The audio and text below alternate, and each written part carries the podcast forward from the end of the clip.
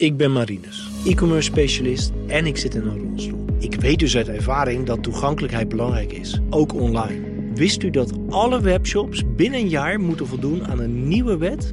Dat is de Europese toegankelijkheidswet. Dit is een behoorlijke uitdaging. Voor hulp kijk op sqli.com/bnr. Scherp. BNR Nieuwsradio. The Big Five. Diana Matroos. De wereld verkeert in een staat van onrust. Europa en de Verenigde Staten hebben te maken met Russische oorlogsdreiging. Dan hebben we China's onuitputtelijke expansiedrift. En natuurlijk de immer gespannen situatie in het Midden-Oosten. En toch is er in de wereld nog nooit zo weinig oorlog gevoerd als nu. In de klassieke zin dan. En dus wil ik weten hoe ziet een oorlog er anno 2022 uit? En hoe kunnen wereldleiders in deze tijd de vrede bewaren? Deze week praat ik daarover in BNR's Big Five van Oorlog en Vrede met vijf prominente gasten. Vandaag is dat generaal Jan Swillens. Hij is directeur van de Militaire Inlichtingen en Veiligheidsdienst, de MIVD kort gezegd. En hij is voormalig commandant van het Korps Commandotroepen. Van harte welkom. Uh, we hebben afgesproken te tutoyeren, alhoewel nou ja, de functie en uh, het pak uh, toch altijd een beetje neigt naar u. Dus misschien dat ik een beetje heen en weer switch. zo. Is geen enkel probleem. Geen enkel probleem. We kunnen gewoon alle kanten op. natuurlijk wil ik het zo meteen uitgebreid met je hebben over de cyberoorlog uh, die al dan niet in Nederland uh, wordt gevoerd. Maar voordat ik dat doe, wil ik twee dingen van je weten.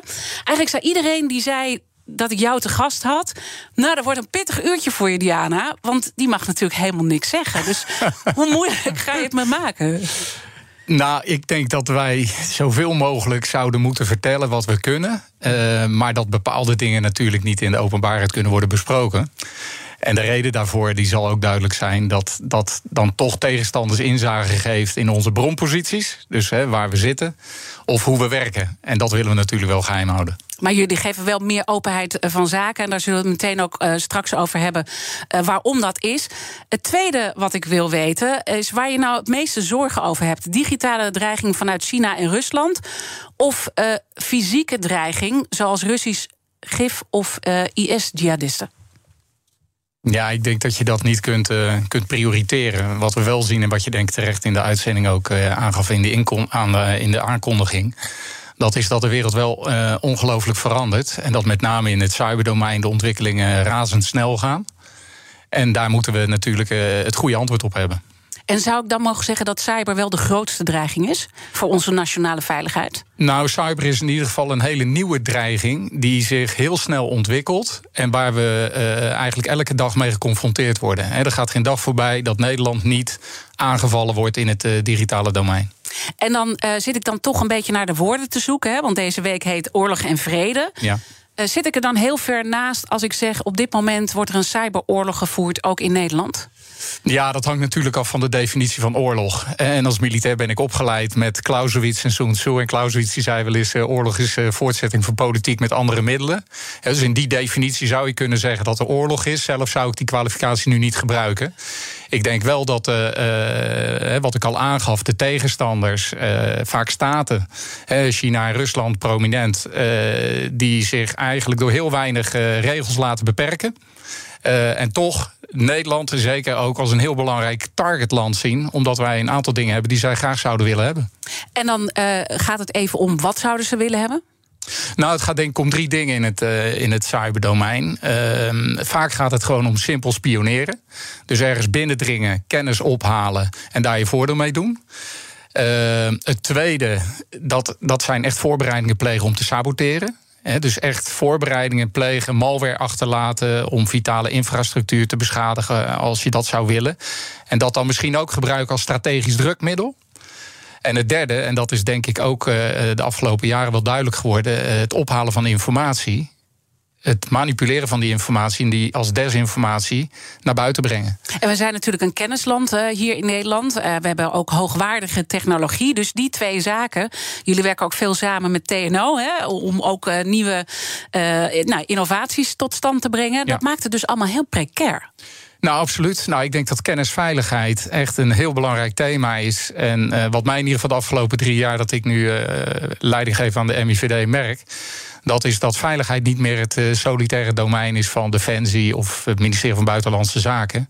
Maar ook bijvoorbeeld het ministerie van Onderwijs uh, is zich heel bewust van die kennispositie in Nederland. En dan praat je echt over ja, de, de wetenschappelijke integriteit, de vrijheid om kennis te delen. Want dat is natuurlijk toch een beetje de, de kern van wetenschap. Ja, dat je daar ook daar niet naïef in kunt zijn. Um, anderhalf jaar geleden hebben wij eh, een bericht ook naar buiten gebracht dat, dat meer dan 80 uh, eh, Chinese studenten in Nederland aan het promoveren zijn die we rechtstreeks kunnen herleiden tot de Chinese defensieindustrie of tot het Chinese leger, de PLA. En dat is natuurlijk toch wel een belangrijke vraag. Vind je het dan prettig dat Chinezen hier uh, promoveren in de nanotechnologie of in de quantum computing en daarna aan het werk gaan in die Chinese defensieindustrie? Ja, en dat, dat, daar heb ik inderdaad uh, mijn vraagtekens bij. Maar wat zouden we daar aan moeten doen dan? Nou, de minister van uh, OCW heeft, ik meen een week of twee, drie geleden, een uh, hele uh, duidelijke Kamerbrief geschreven. Dat ja, eigenlijk landen neutraal gekeken wordt naar met name die kennisdomeinen waar we extra zuinig op moeten zijn. En dat als hoogleraren of universiteiten, ja, ik noem het maar even, het niet-pluisgevoel hebben, dat ze dan weten waar ze terecht kunnen. En dat, hè, daar is een kennisloket voor ingericht bij OCW. En dat is denk ik een hele belangrijke stap. Ja, en dan, dan moet je het natuurlijk wel allemaal signaleren. Want ik denk dat dat ook een beetje de crux is van dit hele verhaal. Uh, jullie waarschuwen als MIVD hier al een tijd voor. De AIVD, uh, eh, de, de hoogste baas, heb ik laatst ook ontvangen bij dit uh, programma. Jullie waarschuwen continu. Maar er lijkt of een soort naïviteit is in onze samenleving samenleving over dit punt? Ja, ik, ik begrijp exact wat, eh, wat, u, wat u bedoelt. En gelukkig leven we in een land dat, dat, dat natuurlijk echt uh, er heel goed voor staat. Hè, ondanks alles. En, uh, maar het blijft natuurlijk toch een land waar we de zaken echt goed voor elkaar hebben. Um, wat wij eigenlijk proberen te doen, dat is die awareness uh, omhoog te krijgen. Dat mensen beter begrijpen. En daarom zit ik eigenlijk hier ook. Om, om meer openheid te geven. Omdat dat denk ik ook belangrijk is. Omdat cyberveiligheid raakt iedereen. Ja. Want wat beseffen we ons niet, los van dat het iedereen, uh, nou ja, uh, over iedereen gaat? Nou, eh, het, het kan vaak veel dichter bij, bij huis zijn. Volgens mij hebben jullie vanochtend zelf naar buiten gebracht dat uh, de Oekraïne onder vuur ligt uh, in het digitale domein vanuit Nederland. Hè. Nederlandse servers die ook gebruikt worden om Oekraïnse digitale infrastructuur aan te vallen. Nou, dat is typisch zo'n voorbeeld waarbij het veel dichterbij is dan je zelf denkt. Um, ja, zo zijn, zo zijn er meer voorbeelden waar wij natuurlijk dagelijks mee te maken hebben. Ja, en, en in dit geval dat nieuws wat wij zelf naar buiten hebben gebracht. Dat is een analyse die we hebben gedaan. We hebben met allemaal uh, cybersecurity experts ook gesproken.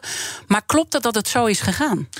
Nou, wat wij in ieder geval in Nederland ontzettend goed voor elkaar hebben, dat is onze digitale infrastructuur. Dus wat je eigenlijk ziet, dat in dat cyberdomein er eigenlijk geen grenzen zijn. Geen fysieke grenzen bedoel ik dan. dus uh, iemand die hackt, die gebruikt uh, infrastructuur digitaal van over de hele wereld. En dat gaat ook razendsnel. He, dat gaat van de ene server naar de andere server in het ene land, in het andere land. En dat is ook precies wat we eigenlijk, uh, wat we eigenlijk zien. En doordat we als Nederland die digitale infrastructuur goed voor elkaar hebben, wordt ook die digitale uh, infra van ons gebruikt om dat soort aanvallen uit te voeren. Ja, en natuurlijk weet je of dit wel of niet zo is. En je draait er dan toch een beetje omheen om te zeggen dat dit feitelijk zo is wat er hier is gebeurd. Nou, in dit specifieke geval, maar dit, dit, dit gebeurt frequent. Ook wij hier in Nederland. Ehm, vorig jaar hebben we ook geconstateerd dat. Ehm, de Russische militaire inlichtingendienst, dus, dus mijn Russische counterpart, hier in Nederland. Ehm, routers infecteert wereldwijd, maar ook in Nederland, uh, bij het midden- en kleinbedrijf. En op die manier eigenlijk uh, een aanvalstructuur creëert om daar vandaan hun aanvallen in te zetten. En het voordeel wat uh, dat oplevert voor hen, is dat het heel moeilijk te traceren is waar die aanval dan precies vandaan komt. Want dat zijn gewoon onschuldige mm bedrijfjes hier in Nederland, waarvan hun computernetwerk, hun interne netwerk gebruikt wordt ja, om, uh, weet ik veel, de. de, de ja, Tweede Kamer, ministeries aan te vallen of kennisinstituten aan te vallen. Het kan heel ver gaan. Hè? Het kan echt heel ontwrichtend uh, werken voor een samenleving. Ja, absoluut. En dat hebben we nog niet op die manier gezien. Of zijn er toch voorbeelden waar je toch aan kan zien hoe ver dit kan gaan? Nou, wat, wat, wat denk ik nu speelt in de Oekraïne, uh, dat, dat, dat is denk ik een voorbode van een toekomstig conflict. En wij denken natuurlijk, uh, zeker als militaire inlichtingendienst, hoe ziet zo'n toekomstig conflict eruit? Eigenlijk de vraag die je in het begin stelde. En één ding zal duidelijk zijn voor iedereen: dat daar een, absoluut een hele grote cybercomponent in zal zitten. Dat daar een grote desinformatiecomponent in zal zitten. The Big Five. Diana Matroos. Mijn gast is generaal Jan Swillens, directeur van de Militaire Inlichtingen en Veiligheidsdienst. Uh, ik denk dat het mooi is om de kettingvraag er ook bij te pakken, want we hebben het al uh, nou, veelvuldig nu over Oekraïne. En Oekraïne komt op die manier ook ontzettend dichtbij. En daar had mijn vorige gast, uh, Janine Hennis, speciaal VN-gezant in Irak, een hele mooie boeiende vraag over. En dat is deze. Met het oog op zijn rol van Jan Swillens op dit moment um, dacht ik aan de Oekraïne. Omdat verschillende experts de afgelopen week uh, stelden dat de grootste dreiging voor Oekraïne um, wellicht niet zozeer zit in een ouderwetse grondoorlog, maar eerder een cyberoorlog. Nou, nu zijn de spanningen tussen Rusland en Oekraïne in cyberspace niet bepaald van gisteren.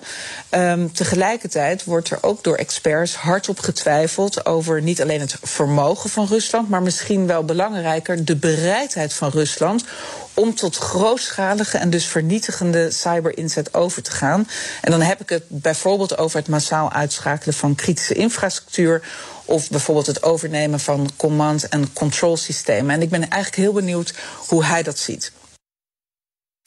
Ja, het is natuurlijk een hele goede en vooral ook een hele actuele, actuele vraag. En. Um Kijk, laat één ding duidelijk zijn. Rusland is buitengewoon capabel waar het cyberwapens uh, betreft. Hè, spionage, sabotage, wat ik net al aanhaalde. Dus het vermogen hebben ze? Absoluut. Dus uh, leidt geen twijfel. Dit is echt, uh, echt, echt in de top. en dat niet alleen. ze past het ook echt toe. He, dus we zien ook echt elke dag activiteiten. Niet alleen Oekraïne, maar ook hier in, in Nederland. Uh, de belangrijkste vraag, die eigenlijk ongeveer elke dag uh, ook gesteld wordt, is wat, wat willen ze? Wat wil Rusland? En eigenlijk is natuurlijk Rusland of Poetin, dat is eigenlijk de enige die er het echte antwoord op kan geven. Maar als in uh, het digitale domein echt vitale infrastructuur in Oekraïne wordt platgelegd. Hè, dus het uitschakelen van het elektriciteitsnetwerk, het stoppen van de watervoorziening, uh, dat er geen uh, communicatie meer mogelijk is dat gaat dusdanig effecten hebben dat dat niet onbeantwoord zal blijven. En dat is wat Rusland zich ook heel goed realiseert. Dat elke stap die gezet wordt tot een tegenreactie zal leiden. En dat is natuurlijk wel wat je heel goed moet afwegen voordat je dat doet. Het tweede element wat ik nog aan die vraag zou willen toevoegen, dat is dat cyber geen grenzen kent. En we hebben natuurlijk ook in het verleden al gezien dat cyber-effecten een direct effect hebben in de Oekraïne. Maar met NotPetya in 2017 zagen we dat uh, Maersk en de Rotterdamse haven tweede orde effecten noemen wij dat dan. Uh, dat, dat dus ook anderen geraakt gaan worden door die cyber-effecten. En dat is ook een, een element waar we samen met de AIVD en de MIVD nadrukkelijk naar kijken. Van uh, wat is daar aan de hand? Uh, zien we goed wat er gebeurt en hebben we dan onze eigen weerbaarheid ook goed op orde. Dus de impact uh, kan enorm zijn. Het kan ook heel dicht bij huis komen hier in Nederland. Uh, het zou dus zo kunnen zijn dat bijvoorbeeld onze luchthaven wordt stilgezet, hier de elektriciteit gewoon wordt stilgezet door ergens anders, bijvoorbeeld Rusland of China, op een knop te drukken. Nou, die kans die, die, die, die is wel buitengewoon klein. Dat dat oh één op één een link zou zijn als in, in, in Oekraïne iets gebeurt, dat, dat is ook heel moeilijk om daar één methodiek. Dat hangt echt heel specifiek af van het geval, wat er precies wordt. Maar ja, wordt als de haven al stilgelegd uh, is in het verleden, waarom zou dan niet meer? Nou, uh, onze ziekenhuizen, zet ze maar uit. Ja, nou, het feit is dat dat digitaal, digitaal uh, worden er voorbereidingen, zien wij gebeuren, ook in Europa, door staten, om op die manier, ja, laat ik zeggen, zich te positioneren dat dat, dat dat mogelijkheden zijn. En dan is het de vraag, zijn we niet ook veel te afhankelijk van die digitale technologie? ik zei eerder bij de introductie ook, je bent ook de commandant geweest van het korps van commandotroepen. Uh, je weet dus ook heel goed hoe mensen op de grond uh, moeten werken. Hoe ja. gevaarlijk kan het werk daar worden als het gaat om technologie? Nou, dat, de, die strategische afhankelijkheid, maar ook de tactische afhankelijkheid, hè, dus op het laagste niveau, die, die is natuurlijk echt enorm gegroeid. Ik bedoel, uh, uh, hoeveel paniek hebben mensen niet in Nederland als hun telefoon leeg is en je bent je oplaadsnoer vergeten? Hè, of wie kan de weg nog vinden met een kaart en kompas? We zijn volledig afhankelijk van TomTom. Ik heb in mijn vorige baan ook afgevraagd van als nu al die uh, elektronische spullen het niet doen, als mijn GPS het niet doet. Een GPS-defined uh, denied mhm. environment noemen we dat dan, omdat in de ruimte de GPS-satellieten zijn aangevallen. Zijn we dan nog in staat om verder te vechten? En uh, ja, mijn mensen waren dat. Wij oefenen dat ook. Uh, maar ook bijvoorbeeld naar de beeldschermen. Als je een commandopost binnenloopt en je ziet allemaal beeldschermen, dan is dat de waarheid. Uh, en als de schermen op zwart gaan, dan is nog relatief eenvoudig. Want dan weet je dat het gehackt is of verstoord is. Maar het wordt ingewikkeld als het gemanipuleerd wordt. En hoe, lang duurt het dan voordat je zelf in de gaten hebt dat hey, het beeld waar ik nu naar kijk op dat scherm, dat is niet de waarheid.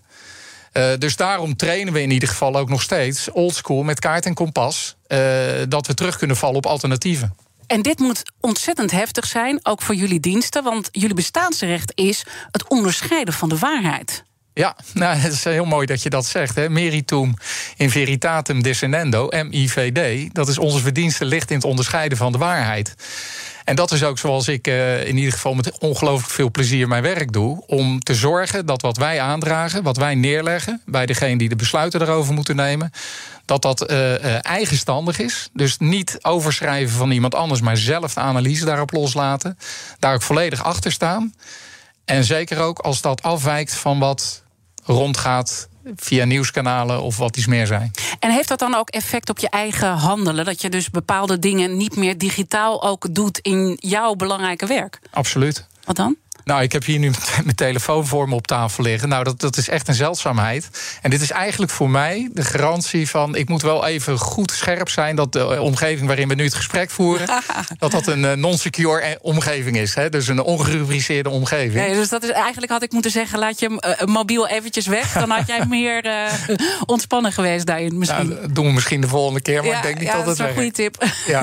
maar het geeft dus wat aan dat je dus eigenlijk ook die mobiel zelf niet meer gebruikt... en meer dan op papier ook overgegaan tijdens ja, correct. Ja? ja, ja, ja, ja, dat klopt het geeft echt ook wel een beetje de, de ernst aan hoe ver het dus is gegaan. Want die technologie is. Dit is natuurlijk een enorm dilemma. Die technologie is mega belangrijk, enerzijds. Ja. En anderzijds is het dus je vijand geworden. Nou, ik, ik wil niet zeggen dat het je vijand is geworden. Want ook als commandant hiervoor heb ik e-, echt altijd gezegd: van jongens, we moeten de technologie voor ons laten werken. We zijn als Nederland zeker ook echt een hoogtechnologische krijgsmacht.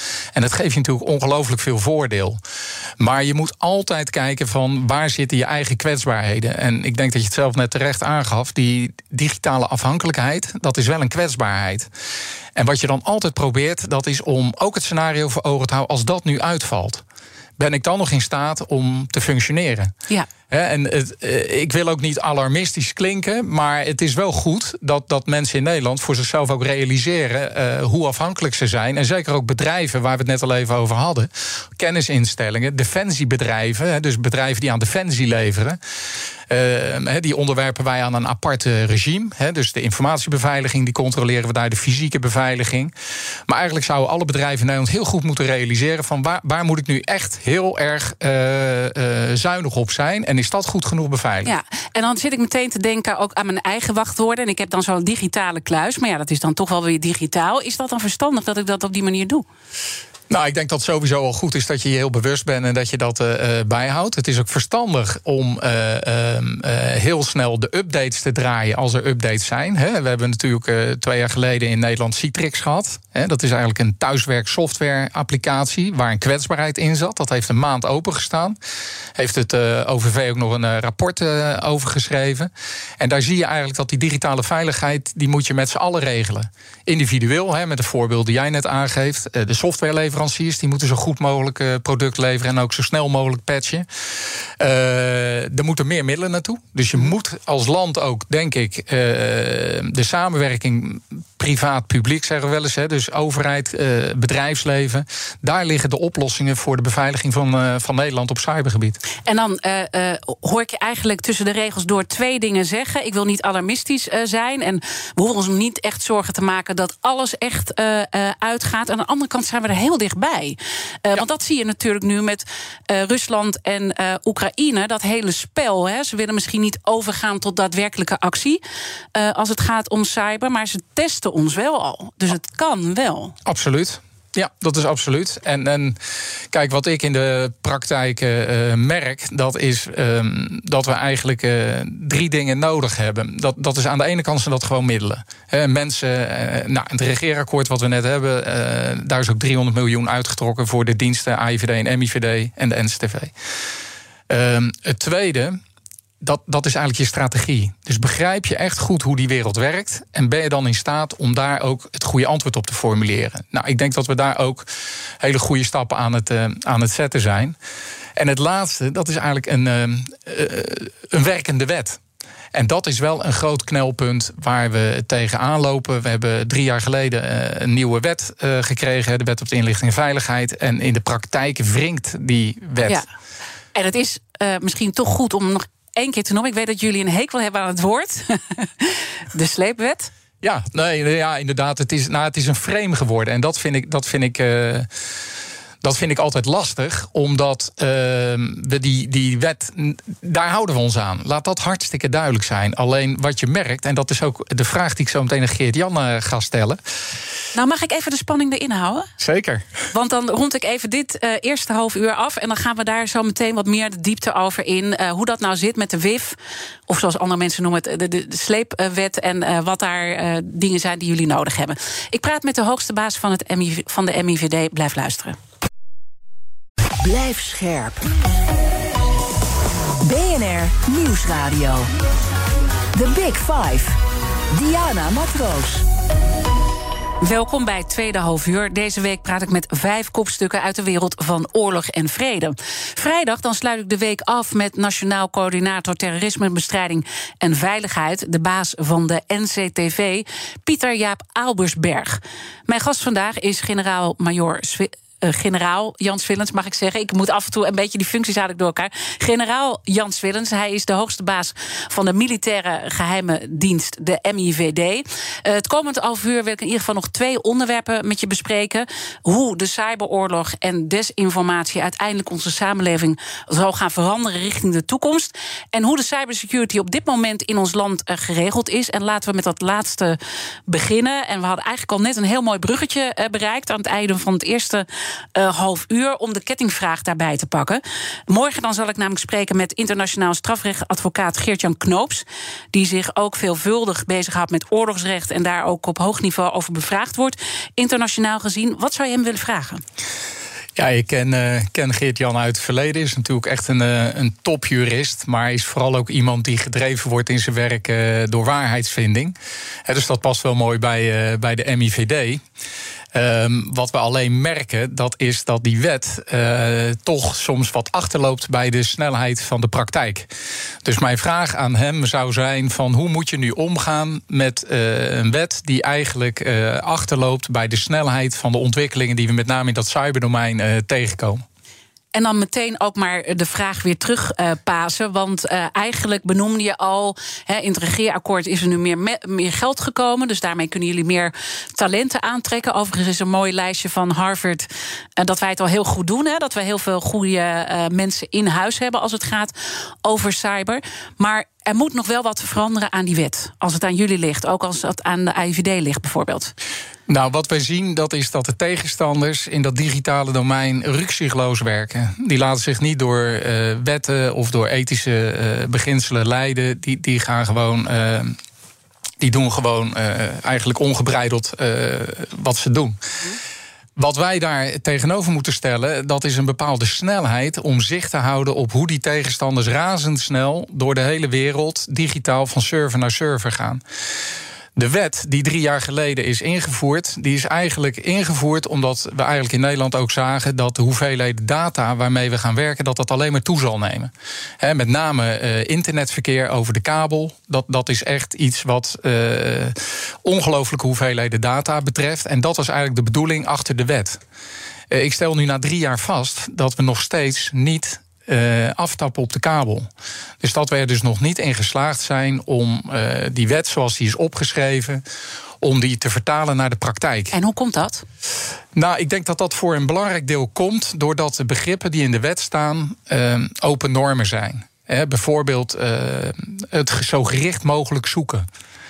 Als je dat in het strafrecht bekijkt, dan, dan probeer ik dat altijd. Ik ben zelf geen jurist, probeer ik het een beetje voor mezelf op een rij te zetten. En dan zeg ik van ja, dat is net als bij Cluedo. de moord is gepleegd in de keuken met de kandelaar. Maar wat wij eigenlijk doen is inlichtingen verzamelen. Dat is namelijk voorspellen. Dus dat is vooruitkijken, niet terugkijken. Proactief. Proactief vooruitkijken of er inderdaad in de keuken of in de bibliotheek een, moord gepleegd gaat worden of helemaal niks. En dus per definitie zijn wij eigenlijk op zoek naar een dreiging die we vaak nog niet kennen. En daar past dat gerichtheidsbeginsel om zo gericht mogelijk te zoeken naar iets waarvan je nog niet precies weet waar het zit. Daar zit denk ik de crux.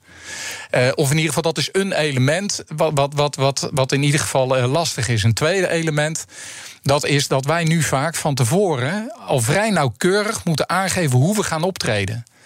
En dat weten we vaak nog niet. Dus wat we eigenlijk willen, dat is dat het toezicht dat dat zeker niet vermindert. Want we leven gelukkig in een land waar, waar heel goed mhm. toezicht is op de inlichting en veiligheidsdiensten.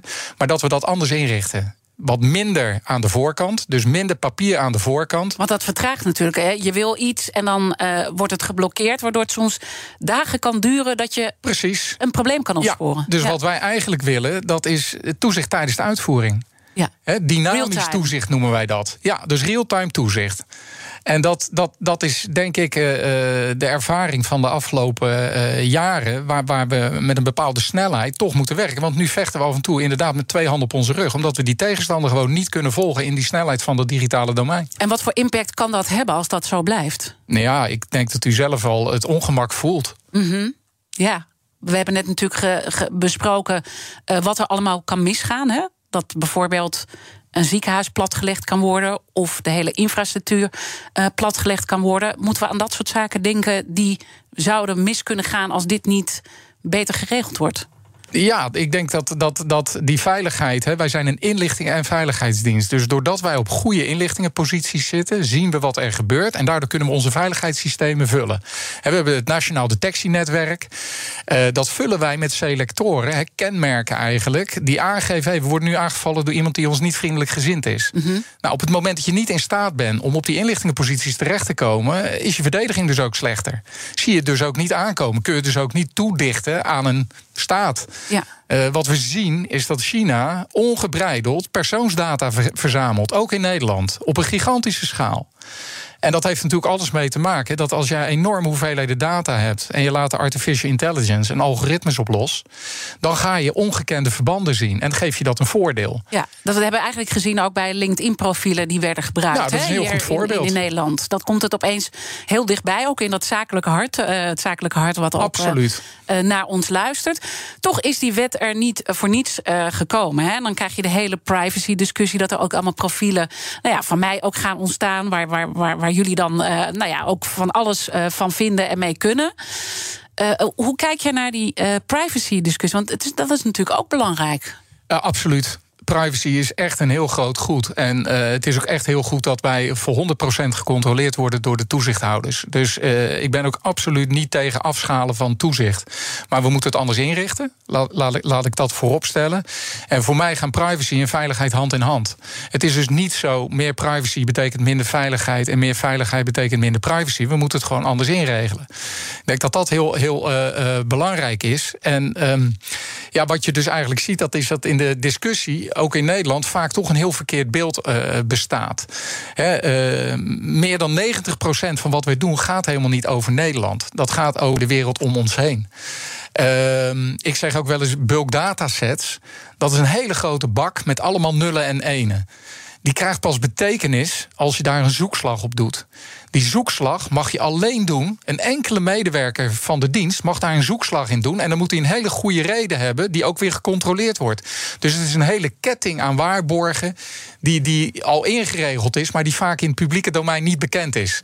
En daarom vind ik het toch plezierig om dat hier nog een keer uit te leggen. Uh, dat, dat wij totaal niet uh, bezig zijn met het verzamelen van data van allemaal uh, onschuldige mensen. Is het ergens ook frustrerend dat dat eigenlijk jullie, uh, nou ja, het, het vertrouwen eigenlijk is in de, in de inlichtingendiensten toch wel afgenomen, ook door dit soort reacties? Nou, ik, dat, dat betwijfel ik. Ik denk dat Nederland best wel doorheeft. Hè. Aan de ene kant houdt, houden de Nederlanders van de inlichting en veiligheidsdienst omdat ze het belang onderkennen, hè, zoals je zelf net denk ik ook doet. Aan de andere kant is het natuurlijk toch geheimzinnig. En wat weten ze dan allemaal van mij en wat doen ze dan met die informatie? Dat zijn natuurlijk hele legitieme vragen. Uh, waar wij meer openheid over moeten geven, uh, dat daar een heel systeem van waarborgen omheen zit. En dat wij alleen, uh, we hebben niet eens de capaciteit of ook de wil om, uh, ja, om dingen te doen die, die we niet zouden ja. moeten doen. Het erge is uh, vaak in dit soort situaties dat het een keer, en dat, dat, dat willen we natuurlijk allemaal niet, en, en jij in de eerste plaats uh, niet, dat het een keertje mis moet gaan om te voelen dat dit dus nodig is. Nou ja, wij doen er alles aan, mijn hele organisatie en ook de AIVD, om dat te voorkomen.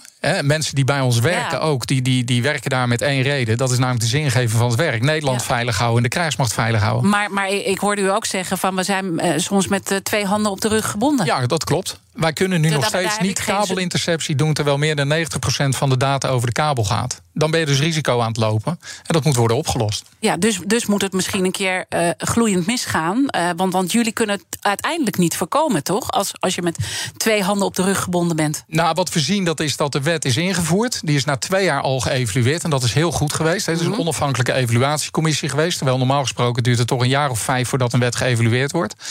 Alleen de oplossingsrichtingen uh, snel vinden, dat, dat is toch een. Uh, ja, een proces waar, waar, waar verschillende inzichten zijn. En daar haakt die vraag van mij en Geert-Jan Knoops ook, ook bij aan... van een wet die je opschrijft en vertaalt naar de praktijk... de geest van de wet en de letter van de wet... dat, dat is toch heel complex. Mm -hmm. En uh, uh, feit is wel dat dat, dat ja, binnen ja. afzienbare tijd opgelost moet worden toch, hè, dat, dat tappen, op het moment dat dat wel op die manier mogelijk wordt... Hè, en, de, wet wordt aangepast, dat is niet uh, zonder risico. Uit een uitzending van Nieuwsuur, waarschijnlijk heb je hem ook gezien vorige week... blijkt dat de overheid de risico's op cyberspionage... in het tapsysteem waarmee de Nederlandse politie... telefoongesprekken van criminelen en verdachten afluistert, negeert. Dus dat, daar, daar, daar voel je ook wel een, een spanning alweer optreden. Ja, absoluut. Je moet buitengewoon zuinig zijn op, op de data die je, die je binnenhaalt. En daar moet je ook je controles op, op inrichten. Uh, ja, en, en nou ja, dat, dat, dat is iets waar we ons natuurlijk uh, volledig voor inzetten om dat mm. ook te doen. En daar is ook het toezicht op. Hè. Wat dat betreft heeft de Rekenkamer ook uh, vorig jaar een onderzoek gedaan. Hoeveel capaciteit wij als diensten, AIVD en MIVD, kwijt zijn aan het ja, conform de wet werken. Hè, 10 procent. En de ondertitel van het rapport van de Rekenkamer was, als ik me niet vergis, de wet dwingt, de tijd dringt en de praktijk wringt. En dat is eigenlijk wel een hele mooie, mooie ondertitel. En die praktijk waar het wringt, uh, dat moet je dan wel oplossen als je straks helemaal bij dat tappen. Je moet wel zorgen dat uiteindelijk niet uh, de buitenlandse diensten ons gaan spioneren met die, Absoluut. die, die ja. tapinformatie. En daarmee kom ik eigenlijk ook op het punt wat je nu in Oekraïne uh, ziet gebeuren. Hè. Uit onze analyse, wat wij vandaag naar buiten brachten, blijkt dus dat Nederlandse sites zijn gebruikt om die aanval uh, te organiseren, waar ook nog eens desinformatie uh, aan verbonden is. Terwijl tegelijkertijd onze premier en onze minister van Buitenlandse Zaken Oekraïne hulp hebben aangeboden om cyberaanvallen te voorkomen. Daar, daarmee zie je eigenlijk dat we speelbal worden van eigenlijk de hulp die we aanbieden. Is dat niet gewoon het enorme probleem waar we in verwikkeld zijn? Nou, ik denk dat, dat in zijn algemeenheid uh, servers over de hele wereld gebruikt worden door tegenstanders. En die verhullen zich, die, uh, ik gaf het net ook al in het voorbeeld aan, uh, die doen zich voor in het, ook in computernetwerken van, van kleine Nederlandse bedrijven. Dus dat verhuld optreden over de hele wereld heen, dat is eigenlijk de modus operandi die we bij de tegenstanders zien. En waar het voor ons ook moeilijk is, als we die tegenstander niet kunnen volgen in die digitale verkenningspatrouille, zou je kunnen zeggen. Dan zijn we een speelbal. Dan zijn we het zicht kwijt. En dan zijn we een speelbal. Nou, dat zijn niet mijn woorden. Wij, wij, wij proberen echt uh, uh, dat zo goed mogelijk uh, te doen. Maar die vrijheid van handel die je in dat cyberdomein nodig hebt, die is wel cruciaal. Zometeen praat ik verder met generaal Jan Swillens, de hoogste baas van de Militaire Inlichting en Veiligheidsdienst, de MIVD. Maar eerst wil ik even horen, Iman Verrips, waar ga je het zo meteen over hebben in BNR Breekt? We gaan het zo meteen hebben over het thuiswerkadvies dat per vandaag gewijzigd is. Namelijk, uh, dat is vanaf vandaag werk maximaal de helft van de werktijd op kantoor. Dus na deze uitzending moet ik uh, zo meteen snel weer weg. Het kabinet roept werkgevers en werknemers nu op ik om ook. daar. Ja, jij ook. Je hebt het al veel te lang. Ja. Om daar allerlei duurzame afspraken over te maken. En ook om een beetje ja, compassie te hebben met werknemers die misschien wel wat langer willen blijven thuiswerken, om welke reden dan ook. 11 uur gaan we erover praten in BNR Breek. Dat is dus over een eh, kwartier. Ons breekijzer is dan, nu het mag, ga ik weer volop naar kantoor. Ik ben heel benieuwd hoe onze luisteraars eh, daarover denken. Blijven zij misschien zoveel als mogelijk toch lekker op de zolderkamer zitten? Of kan je niet wachten om je collega's weer te zien? Of zit je vanuit Spanje te werken? Ook benieuwd naar mensen die uh, werkgever zijn. Ja, ben je er eigenlijk klaar voor, voor de grote terugkeer? Dwing je werknemers of ben je daar flexibel in? Maar we beginnen ons programma zo meteen met een gesprek met politiek verslaggever Sofie van Leeuwen over dat rapport van de Onderzoeksraad voor Veiligheid. Meer dan 300 pagina's. Jeroen Dijsselbloem heeft net een persconferentie gegeven, dus we gaan het even met haar doornemen. Wat daarin staat over de eerste periode van de coronapandemie. Dus daar beginnen we mee. En daarna gaan we praten over thuiswerken, wat dus eigenlijk binnenkort ja. weer kantoorwerken wordt. 020 468 4 keer 0 is ons telefoonnummer en bellen kan vanaf 11 uur. Super. BNR Nieuwsradio. The Big Five. Diana Matroos. Je luistert naar BNR's Big Five van Oorlog en Vrede. Eerder deze week sprak ik met speciaal VN-gezant in Irak, Janine Hennis. Zij was heel open over hoe ze de dialoog daar voert... die natuurlijk heel moeizaam is om tot stand te brengen... met alle verschillende partijen. Luister het gesprek terug via bnr.nl.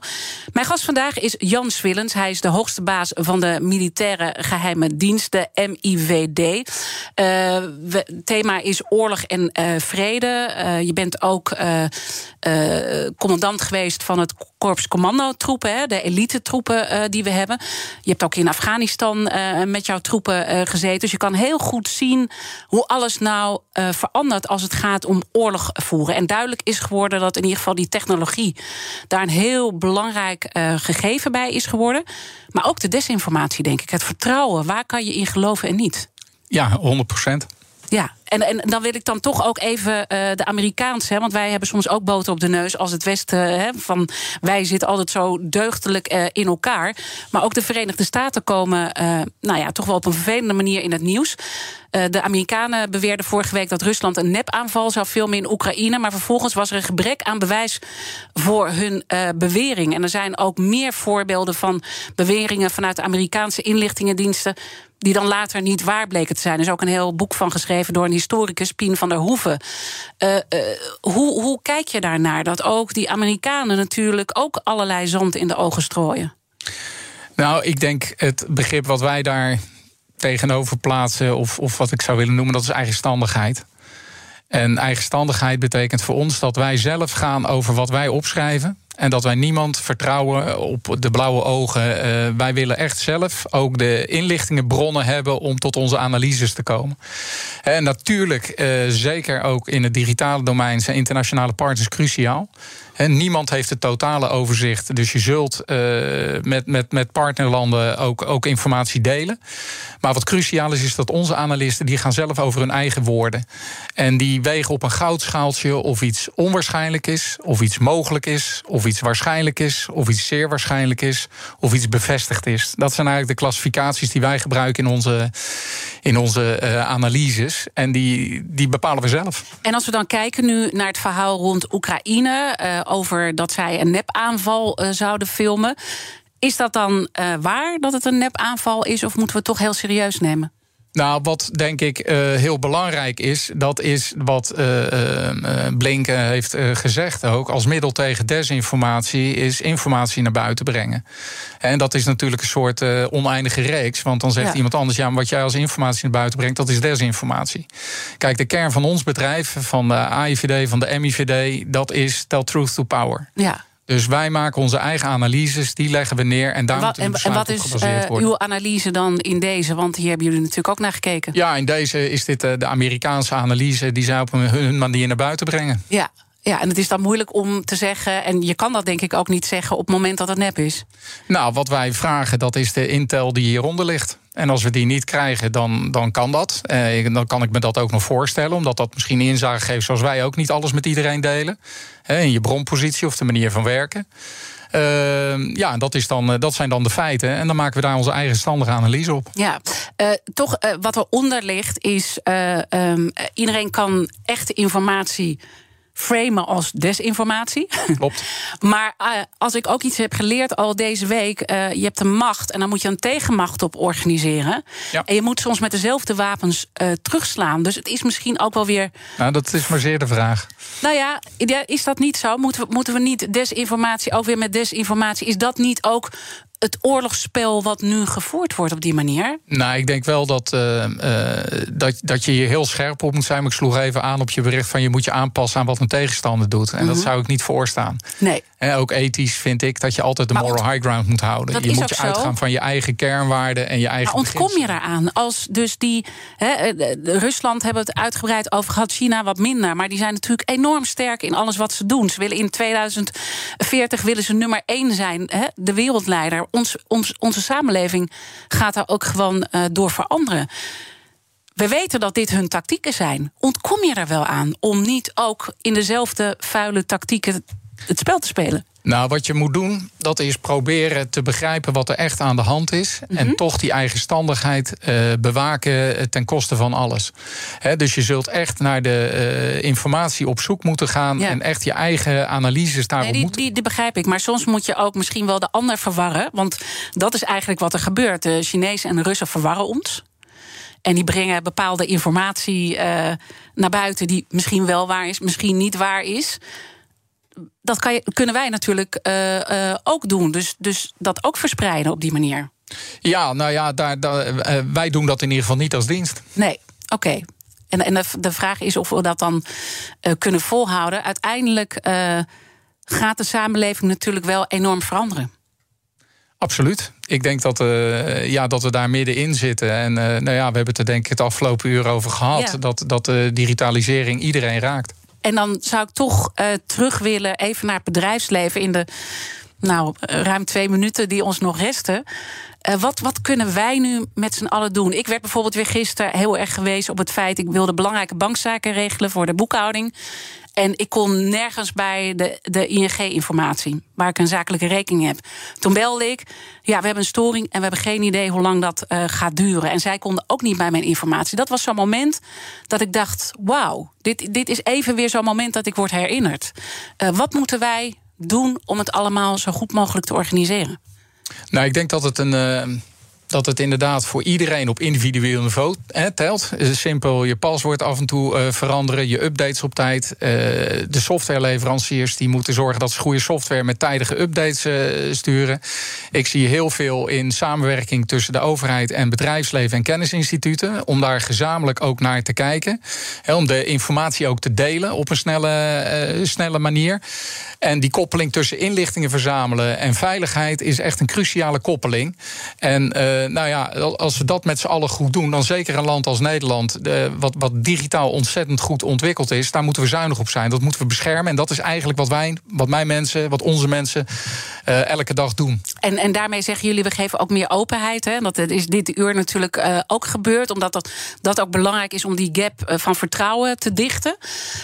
nou weet ik ook dat bedrijven vaak klagen van wij moeten allemaal informatie naar buiten brengen, maar geef die informatie ook weer terug aan ons, want dan kunnen we er ook wat mee. Is, is dat ook nog waar een win ligt vanuit jullie als diensten? Nou, ik denk dat we dat uh, inderdaad gezamenlijk moeten ontwikkelen. Wij als MIVD kijken heel nauwkeurig naar de defensie-ordebedrijven die, die leveren aan defensie. Nou, het systeem wat we daarop hebben gebouwd, dat zouden we breder uit kunnen rollen.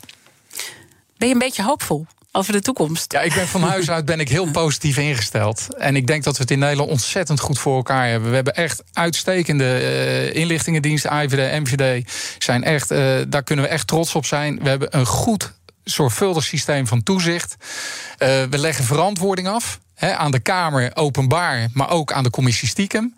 En daar wordt niks blijft niets onbesproken. En dat is echt een groot goed. En daar, daar, uh, daar moeten we zuinig op zijn. Um, en zet, laten we dat stapje meer zetten. Dat is eigenlijk jouw oproepen. Ja, in ieder geval, ik hoop dat ik, dat ik wat meer inzicht heb kunnen geven. Hè. Het verschil tussen geheimzinnig en zinnig geheim, zeg ik wel eens, vind ik wel een mooi, mooi, mooi frame.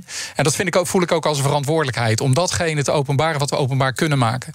Ik wilde heel erg hartelijk danken dat je dit wilde doen. Uh, deze openheid, uh, waar het kon natuurlijk. Want in die zin was het natuurlijk ook dit uur uh, balanceren. Dank generaal Jan Swillens. En natuurlijk zijn alle afleveringen zoals altijd van BNR's Big Five terug te luisteren. Je vindt de podcast in onze BNR-app en uiteraard op bnr.nl. Maar blijf vooral de hele dag live hier op BNR. Zometeen Iwan Verrips met een mooie programma BNR Breekt. Ik wens je een mooie dag. Ik ben Marinus, e-commerce specialist en ik zit in een rolstoel. Ik weet dus uit ervaring dat toegankelijkheid belangrijk is, ook online. Wist u dat alle webshops binnen een jaar moeten voldoen aan een nieuwe wet? Dat is de Europese toegankelijkheidswet. Dit is een behoorlijke uitdaging. Voor hulp kijk op sqli.com/bnr.